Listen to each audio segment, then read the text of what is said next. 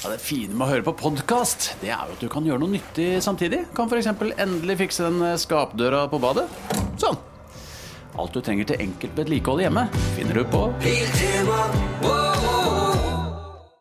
Sektoralarm presenterer Barn som lyver om nøkler. Jeg var ute og spilte fotball med gutta, og så la jeg nøkkelen i gresset, og så kom det en struts, da, eller en flamingo eller noe sånt, og bare tok nøkkelen, og så ble han borte, bare, nøklene og strutsen, eller spurven. Sikkert. Uansett, akkurat nå har Sektoralarm kampanje på boligalarm og dørlås med kode istedenfor nøkler, slik at barna alltid kommer hjem til en trygg bolig.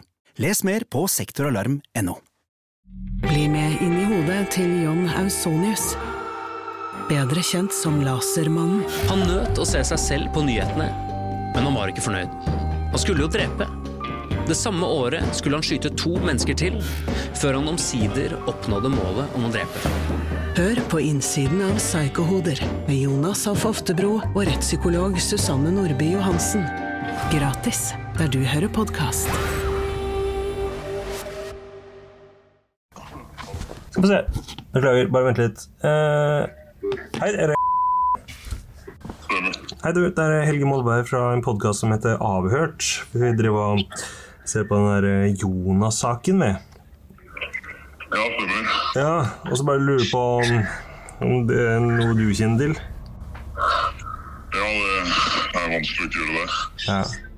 Personen som Helge snakker med her, er han som politiet nå mistenker kan være hovedmannen bak drapet.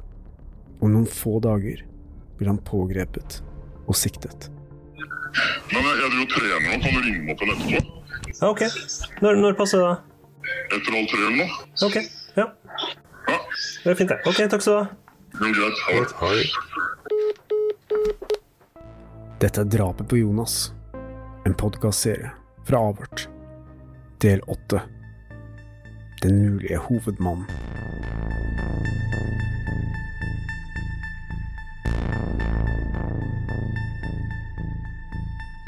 Uh, we can first start off with um, how did you get to know uh, Jonas? I got to know him. Um, I actually was fir- his first employee. I knew him uh, five, six years since uh, 2017. Fra vi startet arbeidet med denne saken, har vi forsøkt å danne oss et bilde av Jonas gjennom miljøet rundt ham og vennene hans.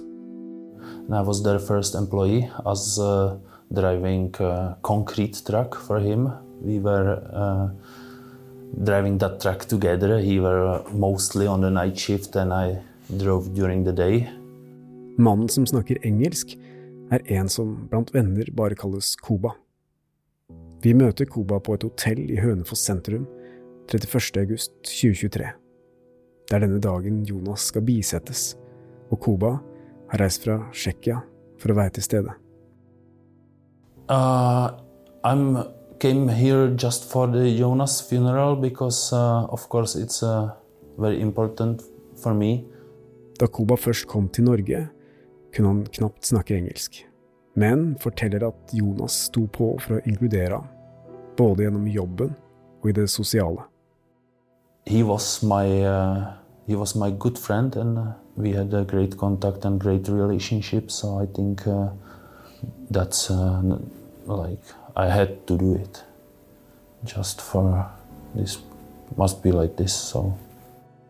Koba forsto raskt at Jonas hadde et bredt sosialt nettverk, men ifølge ham var han en person som inkluderte alle, og de ble etter hvert veldig nære venner. So and uh, for me it was a bit difficult when I came to Norway. I was like uh, without the language almost, so I had to learn and uh, learn a lot.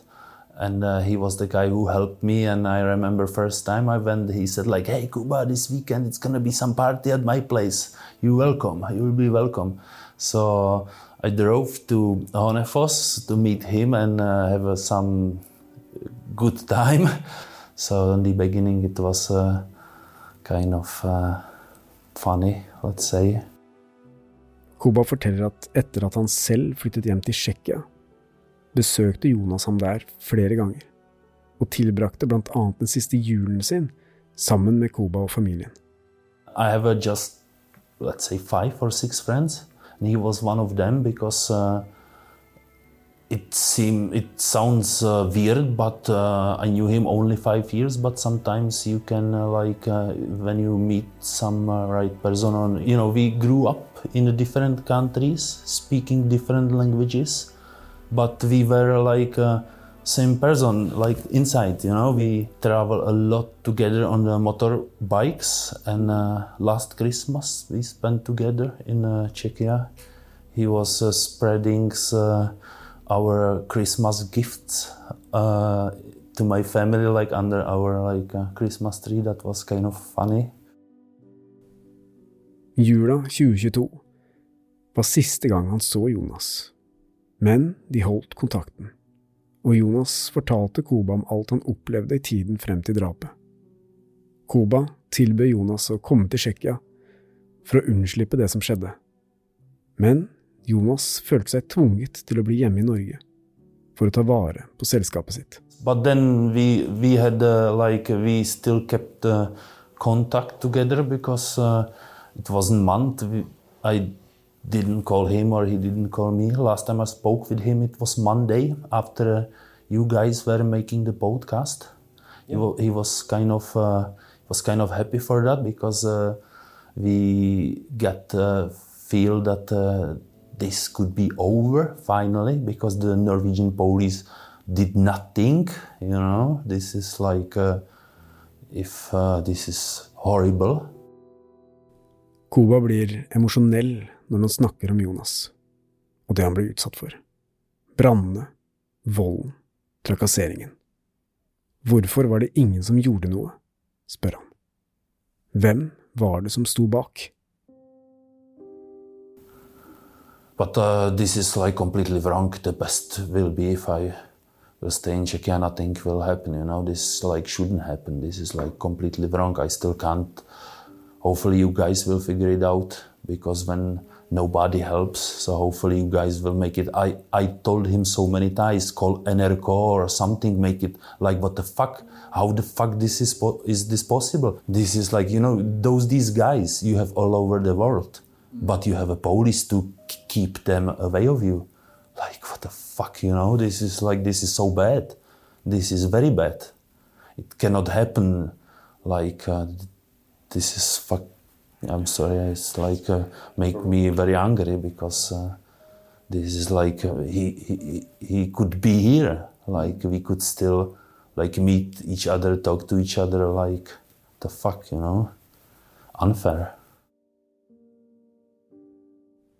Urettferdig, sier Koba. Det er nå nesten syv uker siden Jonas ble drept, og det er fortsatt mange ubesvarte spørsmål. Gjennom syv episoder har vi dannet oss et bilde av Jonas. En mann med et stort hjerte. En gledesspreder som var likt av alle. Eller Hvem mislikte Jonas så mye at de ønsket ham drept? Politiet vil be om fire ukers varetekt for den fjerde siktede for drapet på Jonas Henriksen. En av politiets mulige teorier er at saken har et eh, sjalusimotiv. Lørdag 30. september ble en fjerde mann pågrepet og siktet for drapet på Jonas. En 32 år gammel mann bosatt i Noresund. 32-åringen ble pågrepet på en bensinstasjon. Og pågripelsen skal ifølge politiet ha foregått uten dramatikk. Politiet kommer til å be om fire ukers varetektsfengsling, to av dem i full isolasjon. Politiet utelukker ikke at det kan komme flere pågripelser i saken. Ja, Vi hører jo at uh, han som politiet nå har arrestert sist, han bedyrer sin uskyld. Han gjør det. Han sier at han ikke har hatt noe med disse tingene å gjøre, og er jo veldig klar og tydelig på det, da. Men åpenbart så sitter jo politiet på andre ting, hvis ikke så ville de ikke ha arrestert ham. Altså, dette er jo en kar som vi har hatt på tavla siden en uke etter Jonas eh, ble funnet drept.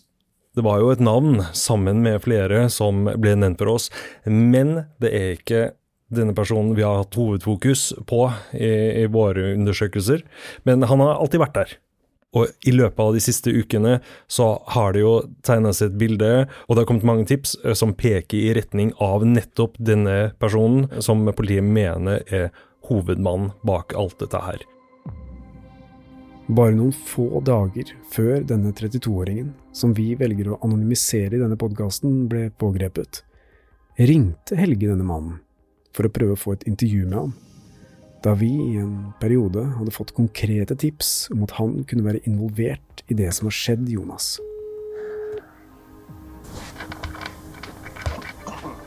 Skal vi se. Beklager, bare vent litt. Uh, hei, er det Hei, du. Det er Helge Molberg fra en podkast som heter Avhørt. Vi driver og ser på den der eh, Jonas-saken, vi. Ja, stemmer. Ja, og så bare lurer på om om det er noe du kjenner til? Ja, det er vanskelig å ikke gjøre det. Ja. Vi vet at denne mannen er i politiets søkelys. Og vi ønsker ikke at han selv skal bli mistenksom på dette, så vi tar kontakt for å prøve å forstå hvilket forhold han har til Jonas og de i miljøet rundt ham. Men jeg driver og trener nå. Kan du ringe meg opp etterpå? Ja, ok. Når, når passer det? Etter halv tre eller noe? Ok. Ja, det er fint, det. Ok, takk skal du ha. Jo, greit. Ha det. Senere samme ettermiddag ringer Helge opp igjen. Hallo, ja. Det var Helge fra podkasten Avhørt igjen. Ja, var det? Ja, hei, du. Nei, det gjelder jo den her eh, Jonas-saken, da. Er det greit at jeg stiller noen spørsmål om den saken, eller? Ja, ja. ja. Jeg hører at du har noe kjennskap til han eh, blant annet? Ja da. Det. Vi vet at denne mannen som nå blir utpekt som hovedmannen, kjenner den andre 32-åringen som ble pågrepet uken tidligere. Det er ikke så vanskelig. Det er ikke noe som er veldig skjult. Nei, nei, nei. Jeg vet ikke hva du har hørt, da, for øvrig, for de har jo egentlig ikke hatt sånn kjempemye kontakt eh, de siste, de siste årene. Ville helst på en måte ikke si så mye. Men hva, hva tenker du om det som har skjedd der, da? Tror du han kan ha hatt noe med det å gjøre? Tenker du på selve, holdt jeg på å si, det som skjedde til slutt? Han forteller at han ikke har snakket med den andre siktede 32-åringen siden starten av august. Jeg er 100 sikker på, altså 99 sikker på at eh, han ikke har vært til stede der. Jeg har heller aldri hørt han ytre noen form ja. Når det kommer til hærverkene sånn, så kan jeg ikke uttale meg, fordi at eh, hvis du skjønner, det er barnestreker. Mm. Kompisen skal ha vært en del av et taggermiljø, og det er flere ting som knytter ham til taggingen og hærverkene som skjedde rundt Jonas. Vi har også hørt at han skal ha innrømmet sin rolle i taggingen til politiet. Det faktum at han kanskje har vært med på det, blir jo litt vanskelig å motstride. Å tagge det jævla tysterungaskreiene overalt da, og åpenbart gjøre det synlig, det er jo noe man ikke gjør hvis man har tenkt å drepe noen senere. Det henger ikke på greip. Ja, Helge, du eh, ringte jo til eh, denne antatte hovedmannen som ble arrestert eh, nå på lørdag. Eh, og han tok jo telefonen og prata villig vekk, og du presenterte deg jo og sa at du ringte fra podkasten Avhørt. Ja da, og han var fullstendig klar over eh, hvem det var som ringte. Vi hadde flere samtaler hvor han både pratet om eh, Jonas, og hvordan han ikke kjenner til Jonas. Og jeg, tenker nå i lys av hva som har kommet fram, og det vi tror kommer til å komme frem, så tenker jeg at det er riktig for vår del å, å publisere utdrag fra disse samtalene. Siden vi startet arbeidet med denne saken, har det kommet inn utallige tips om hva som kan ligge bak drapet. Er det knytninger til et større kriminelt nettverk? Har dette noe å gjøre med beslag av en betongbil i Sverige i februar i år? Eller hva med personen i Hønefoss som ble pågrepet av politiet med flere kilo kokain bare dager før Jonas ble drept? Teoriene er mange. Men ett motiv som har vært der siden dag én, har vært sjalusi. Jeg Syns absolutt det er både riktig og viktig å eh, publisere det. det. Dette er jo da en person som er eh, nå pågrepet av politiet, og de sier at han eh, sannsynligvis har bestilt drapet. Og at motivet muligens er sjalusi. Det har jo politiet vært ute og sagt, og det stemmer jo veldig godt med de tingene som vi også satt på opplysninger før du ringte til han. Og politiet i den saken her så har de jo delt veldig veldig lite informasjon, men når de nå tar dette valget og forteller til og med om motivet til bakmannen, at det skal være sjalusi, da, det, da, skal de være ganske sikre, skal de ikke det? Ja, så tenker jeg at Et uh, viktig argument for å publisere dette er jo at uh, denne personen er pågrepet, sitter varetektsfengslet nå med helt uh, isolert, da, ikke sant, og og politiet går ut og sier at han muligens har bestilt drapet, og at det er sjalusi, mm.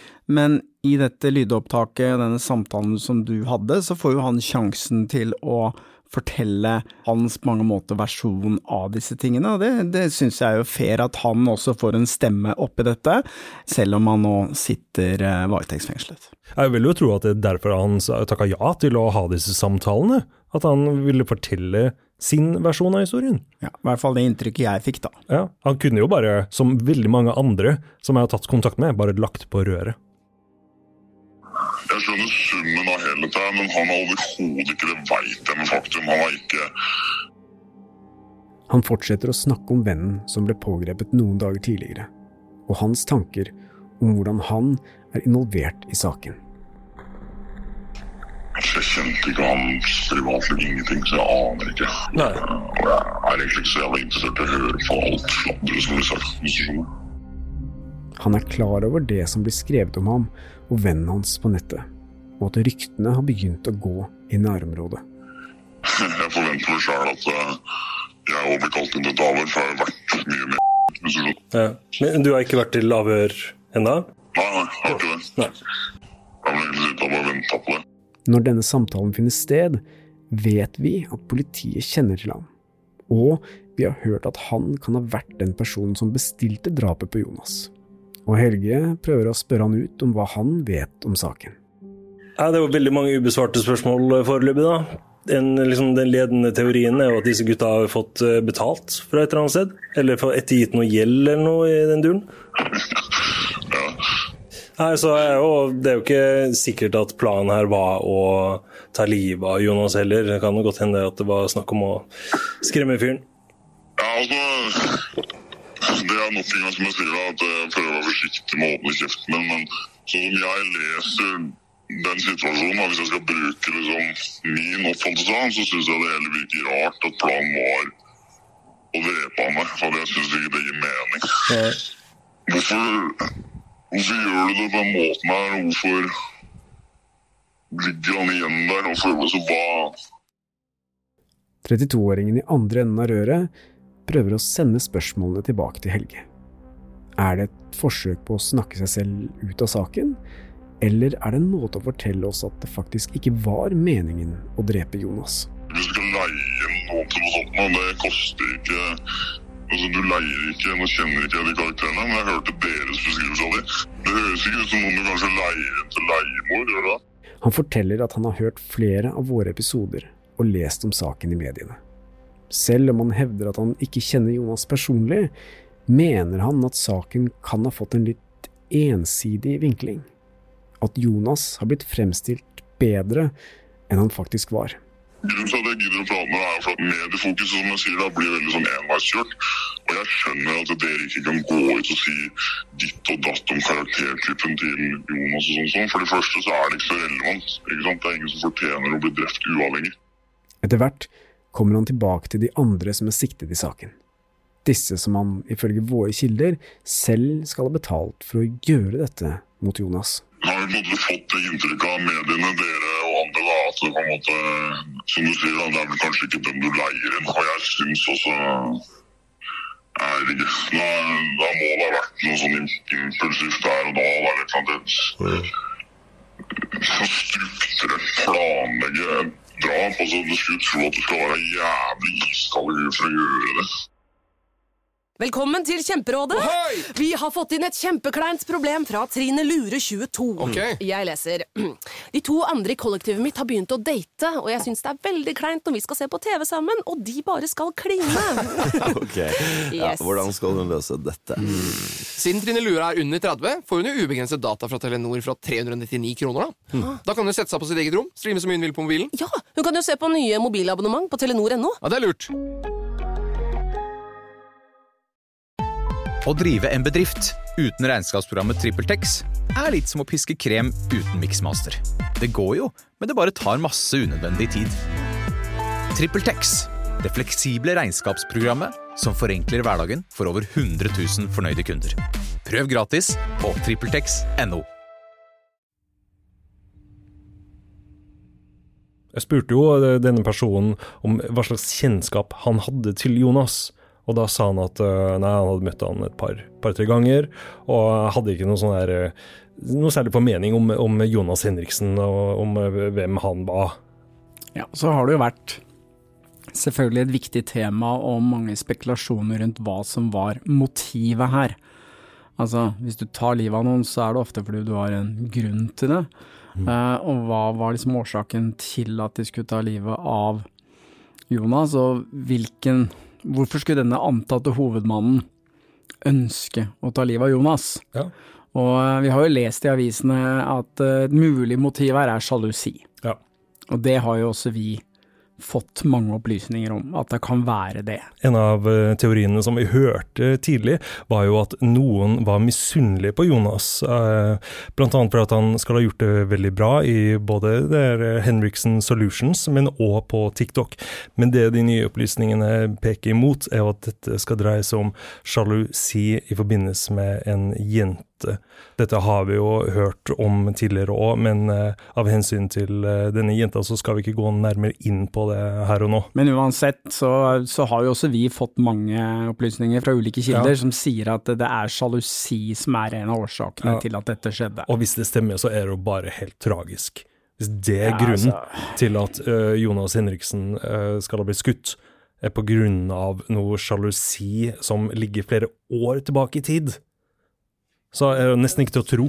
Nei, men så tenker jo du og jeg at det er jo Det er ikke mulig, ikke sant? Men du må huske på at veldig mange av disse som vi snakker om nå, de har et rusproblem. De bruker mye kokain, de bruker mye amfetamin, og vi har også fått opplysninger om at de bruker mye anabole steroider. Mm. Og det er klart at eh, når du går på sånne stoffer, så så skjer det noe med hodet ditt, ikke sant. Så det er Mm. klart at den rasjonelle tenkningen som vi prøver å tillegge dette her, den stemmer kanskje ikke helt, ikke sant. Vi tenker at eh, hvem i all verden er det som risikerer 21 års fengsel for å ta livet av en fyr fordi du er sjalu, eller fordi du syns han er en tyster. Det henger jo ikke på greip. Nei.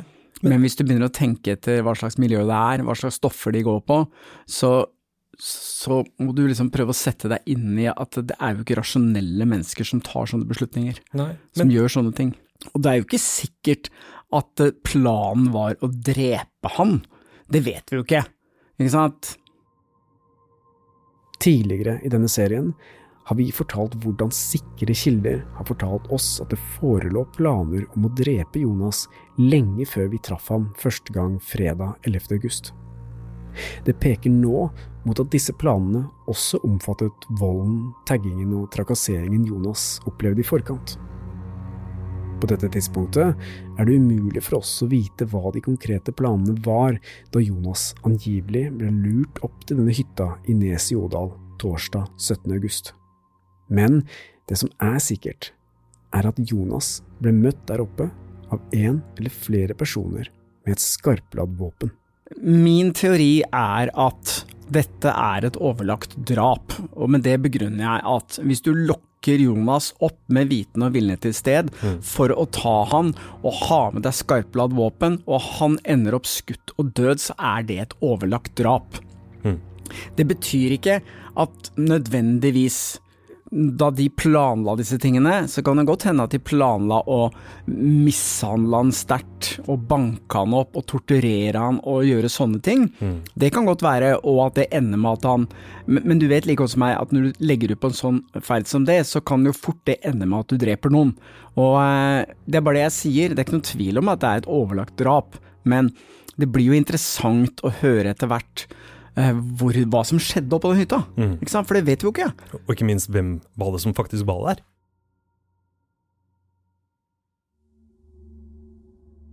Hva tenker du, da? Altså sånn Sett i sammenheng her, liksom. Hva, hva faen, liksom? I samtalen forsøker 32-åringen å spørre Helge hva han tenker er motivasjonen bak drapet. Jeg har hørt så mye, ikke sant. Det, det vi sliter med, er liksom motivasjon. Hva var grunnen? Og det er derfor liksom, som du spør nå, liksom, lurer på om det er en stor gjeld, om det er et eller annet sånt. Ja. Ja. Men, men det er ikke sikkert at den grunnen var så veldig kraftig, for det, det er ikke sikkert det var planlagt å drepe, drepe ham. Det kan hende at eh, det var noen som skulle skremme han. At det var en videreføring av alt det som hadde skjedd med Jonas. Og så gikk det til helvete. da. Men så det er spørsmålet hvorfor har du med en ladd pistol opp til sånn møte? Det blir jævlig spekulativt, men det er klart at jeg har jo i usedvanlig mange settinger tidligere, liksom, så har man jo på en måte brukt det som skremsel. Det er jo på en måte, kall det en kriminell verden, så på en måte blir jo særlig pistoler brukt til sånne formål, hvor du ønsker å skremme. Han forteller altså at han kjenner til usedvanlig mange settinger hvor spesielt pistoler blitt brukt for å skremme. Han forteller også at han tidligere har vært en del av et miljø som han nå har valgt å gå ut av, fordi han ønsker å leve et roligere liv. Tidligere er 32-åringen dømt ved flere anledninger, blant annet for besittelse av narkotika, medvirkning til salg og oppbevaring av dopingmidler, og for å ha utsatt en kvinne for grov kroppsskade. For min egen del og for ham, jeg skulle gjerne egentlig prata med politiet, fordi Han fortsetter å fortelle om hvorfor han mener det er usannsynlig at den drapssiktede kameraten som skal ha stått bak taggingen, også kan stå bak drapet. Men som sagt, det er jo en jævla syltynn ironi her òg. Ikke sant? At uh, hvis man da er med, da, eventuelt på å tagge Tyst-Jonas på en måte hele Hønefoss, hvis man da på en måte skal Så er jo sikkert det et helvetes dilemma, ikke sant? Det er det jeg hater med det miljøet som jeg sjøl har vært en del av før. Og igjen så er jo ikke det noe motiv for å ta livet av noen, ikke sant? Nei. Det, det eksisterer ikke. Så jeg skjønner hvorfor dere leiter, for det er sikkert konkludert med det sjøl. Det Det, det, det er ikke nødvendigvis at vi ser etter noen som hadde motiv for å drepe fyren. For at min magefølelse er at det kanskje ikke var helt planen. Men da er det kanskje der du har svaret om at de som på en måte leiter etter det motivet på en måte for et drap, finnes kanskje ikke. Kanskje finnes det ikke noe motiv for et drap, sier han som politiet nå mener kan være hovedmannen bak det hele. Da jeg ringte til denne antatte hovedmannen, så ble jeg faktisk litt overraska over at han var såpass villig til å prate. For at på det tidspunktet da jeg ringte, da var jeg ganske klar over at eh, han var meget interessant for politiet. Og eh, vi gikk jo bare og, og, og telte timene før han skulle bli pågrepet, så det, de opptakene her ble jo gjort nå i, i forrige uke. Og jeg, sånn, jeg syns det var rart at han bare la ut i det vide og breie om dette her. Og jeg fikk jo følelsen av at enten så er han veldig god til å ikke snakke sannheten, eller, så Han, han fremsto ganske troverdig, altså. Jo, men du må jo huske på én ting, at eh, når du snakker med han, så er han fullstendig klar over at politiet spaner på han. Det forteller han jo. Mm. Og han er jo sikkert ikke dummere enn at han skjønner også at politiet sikkert har kommunikasjonskontroll på telefonen hans. Oh, ja, det betyr at politiet sitter og hører på den samtalen. Og det er klart at eh, han vil jo selvfølgelig prøve å, å framstå som uskyldig som mulig, å bedyre sin uskyld overfor deg. Altså, det ville jo vært uh, Hvorfor skal han sitte og tilstå noen verdens ting overfor deg? Han nekter jo for dette her. Han Mm. nekter til politiet, han sier at han ikke har noe med dette å gjøre. Og så tenker han kanskje at han har jo ikke vært på den hytta. han kan jo liksom Han har alibi for det tidspunktet, og så videre og så videre. Så han håper jo sikkert at han kan slippe unna med dette, og da spørs det jo hvor sterke bevis politiet har for at han virkelig har bestilt dette, da. Mm. Ikke sant? Mm. Og det er jo ofte kanskje vanskeligere å føre bevis for det i retten enn de som virkelig var der og gjennomførte drapet. Mm. Hvis de har en del tekniske spor der, da. Ikke sant? Det er liksom det eneste jeg kan tenke meg, for det er ingen som på en måte er tjent med å sverte meg, sånn som jeg ser det i hvert fall. Men det, det. Men det er jo ekstremt mange navn som har blitt hengt ut her, da, som bare ikke har noe rot i virkeligheten. Så det er liksom 32-åringen snakker om det svenske nettforumet Flashback, hvor det har vært stor interesse for Jonas-saken. Flere brukere har gjennom dette forumet delt sine teorier om drapet, og flere personer har blitt hengt ut med fullt navn. 32-åringen forteller at han selv ikke har lest noe av dette, men at han vet at han selv har vært et tema. Jeg føler vel kanskje at det er mange, mange ofre i en sånn type sak nå. Og det der forumet der er jo faen meg blitt en test. I forkant av siktelsen blir det annet delt teorier om at han skal ha tatt del i hærverkene og taggingen i tiden før drapet. Hva, hva, hva tenker du om å bli knytta til disse, disse hærverkene? Det er ikke sånn at jeg har vært med på det, for å si det sånn. Nei. På de tidspunktene, sånn som jeg har satt meg ned med samboeren min, liksom, og vi liksom har alibier på alle de settingene, så det er ikke sånn at jeg har flyget og tagga noe. Altså, Ok, men, men be- siden du har liksom sett behov for å se, plassere et annet sted, da, altså ha et alibi for disse hendelsene, er- er- har du blitt beskyldt for å ha vært med på det tidligere Alle Nei. andre? aldri blitt beskyldt for det. Det første jeg ble liksom obs på dette her, er det der greiene da på Flash, og at jeg følte etter blei varetektsfengsla på mandag, Ja. og ikke jeg visste at han var det engang, så var første spanbilen jeg, eller tror da, jeg så. Det er nå gått to dager siden Helges første samtale med mannen. Han forteller nå at han har sett flere mistenkelige biler rundt ham de siste dagene. Han har sjekket opp disse bilene, som alle viser seg at er leaset. Han mistenker at det er politiet som spaner på ham. Og Det var da jeg begynte liksom å snakke med samboeren min at ok, det synes jeg er veldig rart, men så tenkte jeg ikke noe mer over det på mandag, men så kom den beskjeden på tirsdag. Og da så jeg da de to andre bilene da tirsdag kveld. Og da liksom satte vi oss ned da, sant, og tenkte at ok, greit, hva skjer egentlig, hva er greia nå? Men, men tenkte du da at du burde ha et alibi for de Ja, altså, jeg, tidspunktene? jo, jeg tenkte jo som så at hvis politiet følger med meg, så må det være en grunn til at de gidder å bruke ressurser på det. Ja. Men nå da, så føler jeg at det er greit å på en måte ta sine forholdsregler og kunne forklare det med en gang. At ok, hvis dere har en teori på det og det, la oss sette oss ned, så skal dere få se sånn og sånn. Det er ikke riktig. Det var ett punkt i den samtalen hvor uh, spør han om disse hendelsene, som, eh, dette hærverket som eh, Jonas ble utsatt for. Og da sier jo han at ja, jeg satt med henne sammen med kjæresten min for å finne ut av hvor jeg var på disse forskjellige tidspunktene. Og da er det litt sånn, hvorfor skal du finne, prøve å finne noe alibi hvis du sier at du ikke har noe kjennskap til Jonas, du har ikke noe med han å gjøre, du har møtt han et par-tre ganger for lenge siden. Hvorfor skal du da sette deg ned og finne alibi på disse tidspunktene hvor hærverket skal ha foregått? Det da- henger jo ikke på greip. Jeg mener, hvis det det skjer sånn noe for hærverk ute i gata her, så begynner ikke du å leite etter et alibi. For du, du tenker at jeg har jo ikke med det her å gjøre, så hvorfor skal de mistenke meg? Mm. Så det er litt sånn rart at han sier det, og det forteller meg bare én ting, at eh, han har kanskje hatt eh, noe med det å gjøre allikevel. Kanskje. Ja, kanskje. Vi vet ikke. Samtidig som vi har tatt kontakt med ham, forteller han at andre medier også har forsøkt å få ham i tale. Blant annet har han hatt noe kontakt med en journalist fra VG. VG lurte på min relasjon til generelt, og at, ja. rett og slett på en måte om de kunne møte meg, og om de på en måte om, om, jeg trodde litt han kunne ha gjort og sånne type ting. Det, det ønsker ønsker vel nærmest en personanalyse av Han forteller at han har valgt å ikke ha noe mer kontakt med andre medier, men at han foretrekker å snakke med Helge fordi han kan få være anonym.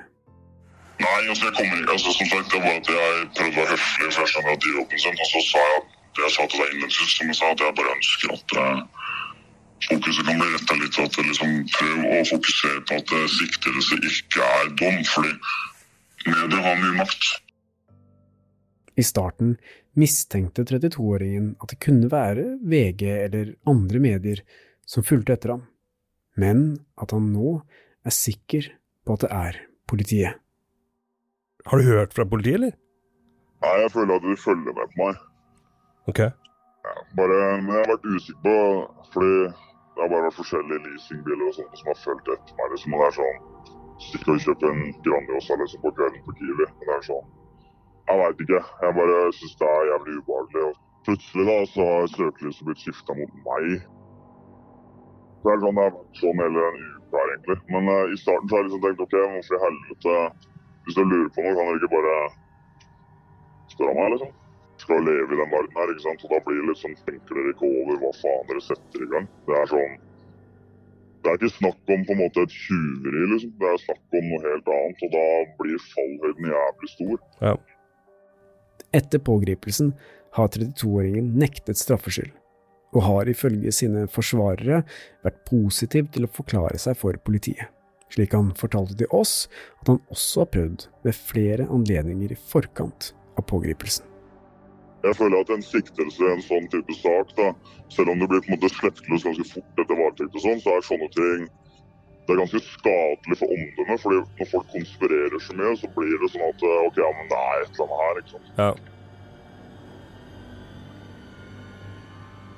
Vi ser jo at eh, på mandag, to dager etter at eh, denne 32-åringen ble pågrepet, så var jo eh, det krimteknikere og bl.a.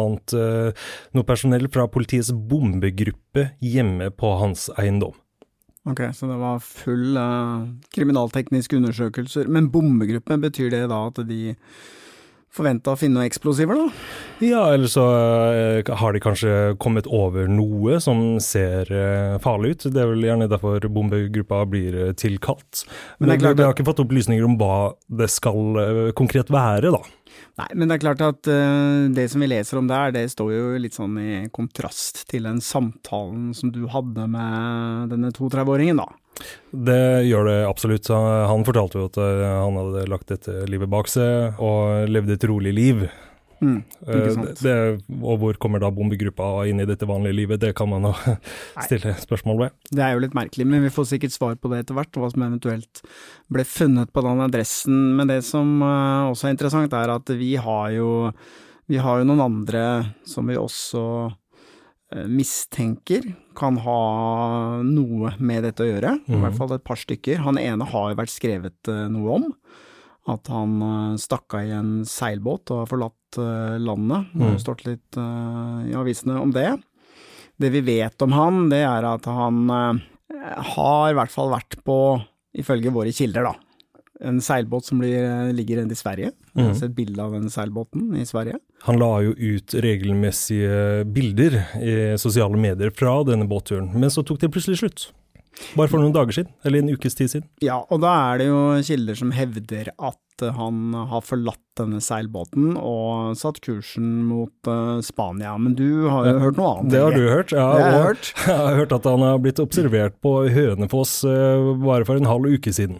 Ja, men så er det en person til som, eh, som vi også eh, mistenker, vi har jo ikke noe klare bevis på det, vil jeg bare understreke, altså, at, men vi har uh, i hvert fall en mistanke om at uh, kanskje han også har vært involvert på et eller annet vis i dette, og han har jo en, en relasjon til dette miljøet, da. Ja, og han har en veldig interessant bakgrunn som vi har sett litt nærmere på. Ja, for vi fikk jo tilgang på dommene hans, og i den ene dommen så, så bet jeg meg merke i at han faktisk er dømt for sammen med to andre å, kidnappe en fyr for å presse denne fyren for 40 000 kroner, som da denne personen skulle hatt i narkogjeld. Mm. Og det foregikk på en litt spesiell måte, altså de holdt han som gissel i nesten et døgn.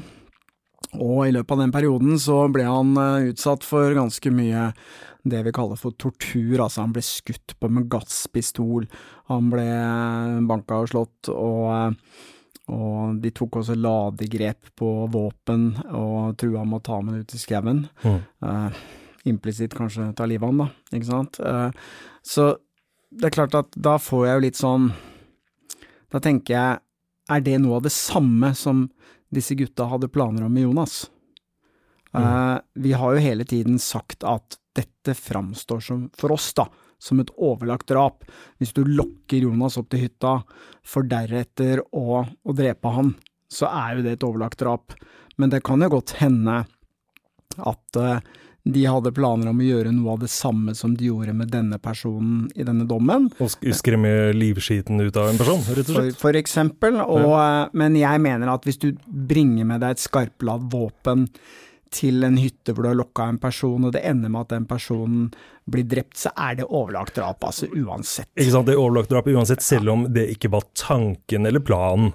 Nei, jeg mener jo det. Nå er ikke jeg noen jurist, og det er klart at uh, forsvarerne vil sikkert argumentere for at det da kanskje er et uh, forsettlig uaktsomt drap, men i, i, oppi hodet mitt så tenker jeg at hvis du lokker Jonas opp dit du har med skarpladd våpen, selv om du da planlegger å kanskje torturere og sånne ting, og det ender med at du dreper fyren, så, så uh, Men jeg blir sikkert arrestert på det, da. Men jeg tenker at politiet kommer til å gå for overlagt drap, altså. Vi har jo flere navn på eh, tavla. Noen av de sitter i varetekt akkurat nå.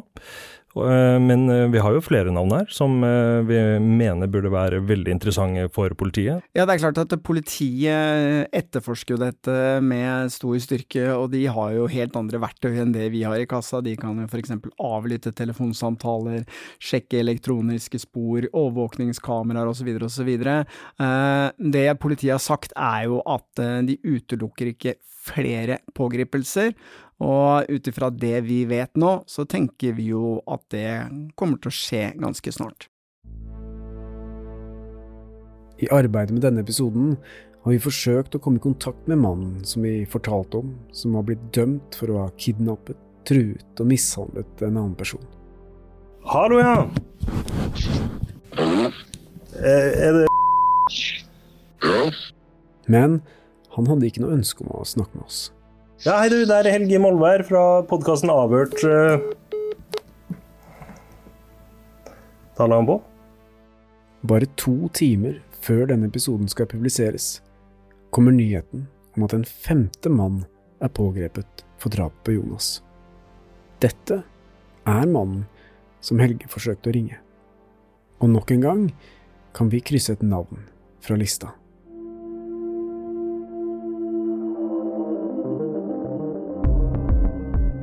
Drapet på Jonas er en podkastserie produsert av Batong Media.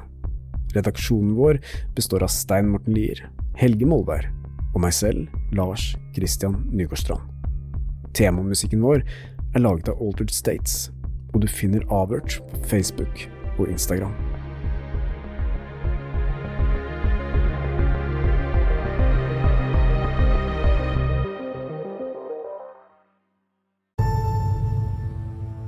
I disse dager er vi også ute med vår helt nye podkast Grenseløs med Stein Morten Lier og Jonny Haglund.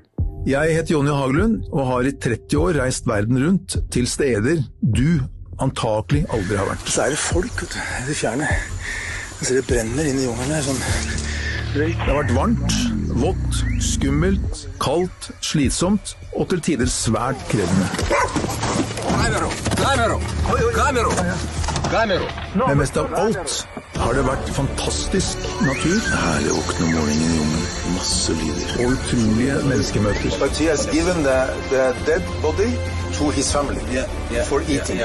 Nå deler jeg noen av mine opplevelser i podkasten Grenseløs. Oi, oi, oi.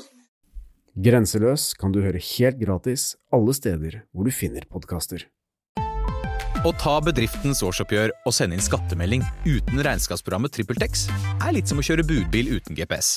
Du får nok levert, til slutt, men ikke uten å rote rundt og bruke masse tid. Med TrippelTex kan du stole på at du har riktig verktøy til regnskapsjobben. Prøv gratis på TrippelTex.no.